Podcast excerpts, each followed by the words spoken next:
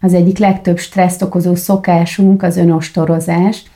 Ez megjelenhet meditáció közben, amikor éppen azzal vagyunk elfoglalva, hogy miért nem sikerült jól leülnünk, hogy miért nem tudjuk megfigyelni a gondolatokat, anélkül, hogy belevonódnánk, miért nem tudunk kapcsolódni a légzéshez, miért reagálunk így vagy úgy az egyes tapasztalatokra, és természetesen megjelenik az önostorozás a mindennapi életünkben is, ám általában ez a mindennapokban észrevétlen marad, tehát a háttérben egy ilyen állandó szövegelés, állandó párbeszéd magunkkal kapcsolatban, és ezek általában szokásos gondolatok, minél többet meditálunk, annál jobban megfigyelhetők. A mindennapokban a gondolkodásunk nagy része az általában magunkra irányul, és negatív előjelű, tehát kritikus azzal kapcsolatban, hogy hogy vagyunk, hol kéne lennünk, hol kéne tartanunk, mit tudunk, mit nem tudunk, hogyan nézünk ki.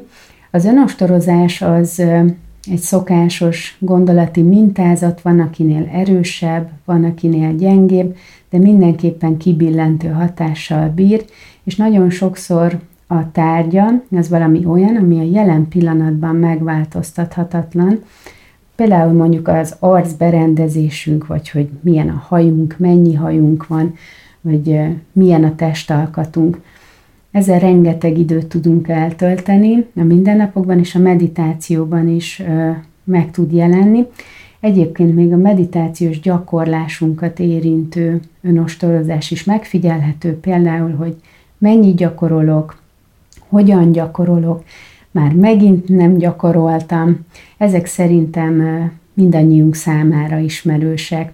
Úgyhogy ha ezt tapasztalod, akkor nincsen veled semmi baj, természetesen működsz, ez egy közös emberi tapasztalat, ám mégis az önostorozást azt nagyon nehéz átélni, nehéz érzelmek és fizikai fájdalom kísérheti. A, a meditációban ugye azt tanuljuk, hogy a középpontunkba kerüljünk, és hogyha megvan egy ilyen belső nyugalom, akkor egyre könnyebben figyelhetők meg akár a legnehezebb, önkritikus, legszigorúbb gondolatok is, anélkül, hogy beléjük vonódnánk, tehát megfigyeljük őket, ahogyan jönnek, mennek.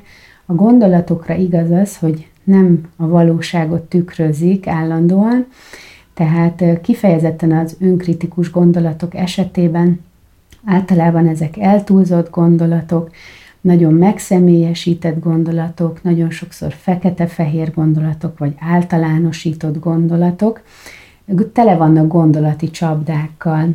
Tehát az önostorozással kapcsolatban az lehet a célunk, hogy megfigyelhetővé és megengedhetővé váljanak, ehhez pedig egy szilárd alapot kell találnunk a meditáció közben, és akár címkézhetjük azt, hogyha megjelenik egy önostorozó gondolat, hogy önostorozás, vagy önkritika.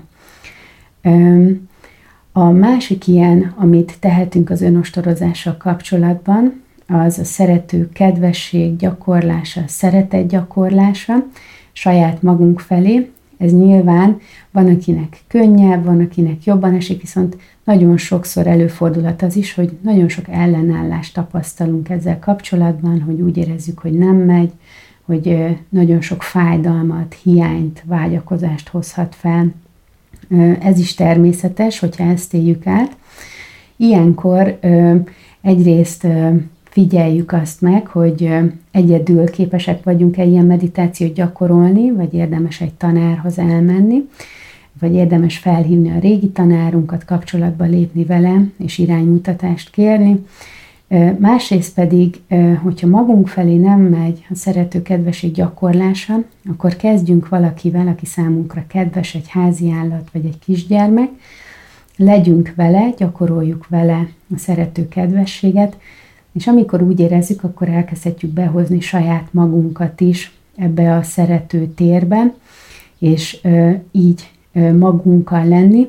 Hogyha ez még mindig nehéz így, akkor gondolhatunk magunkra kisgyermekként, vagy figyelhetjük magunkat, magunkkal lehetünk úgy, mint hogyha a legjobb barátunk lenne velünk, vagy ahogyan mi lennénk a számunkra legfontosabb emberrel, akit szeretünk, akit elfogadunk, akit támogatunk.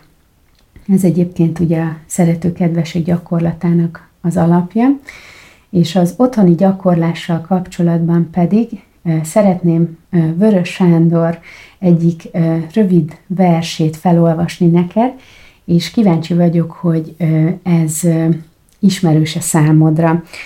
Ez a szabályról szól, a szabály mint fogság és mint szabadság. Légy szigorú önmagadhoz, de ne gyötör természetedet. Bontsd le szeszélyeit, sóvárgásait, nem azért, hogy nélkülük nyomorogj, hanem hogy folyhas, mint a víz, és biztos lehess, mint az ég. A szabály nem arra való, hogy beléje börtönözd magad. Legyen lakószobád, szabadon kibejárhass dolgot szerint.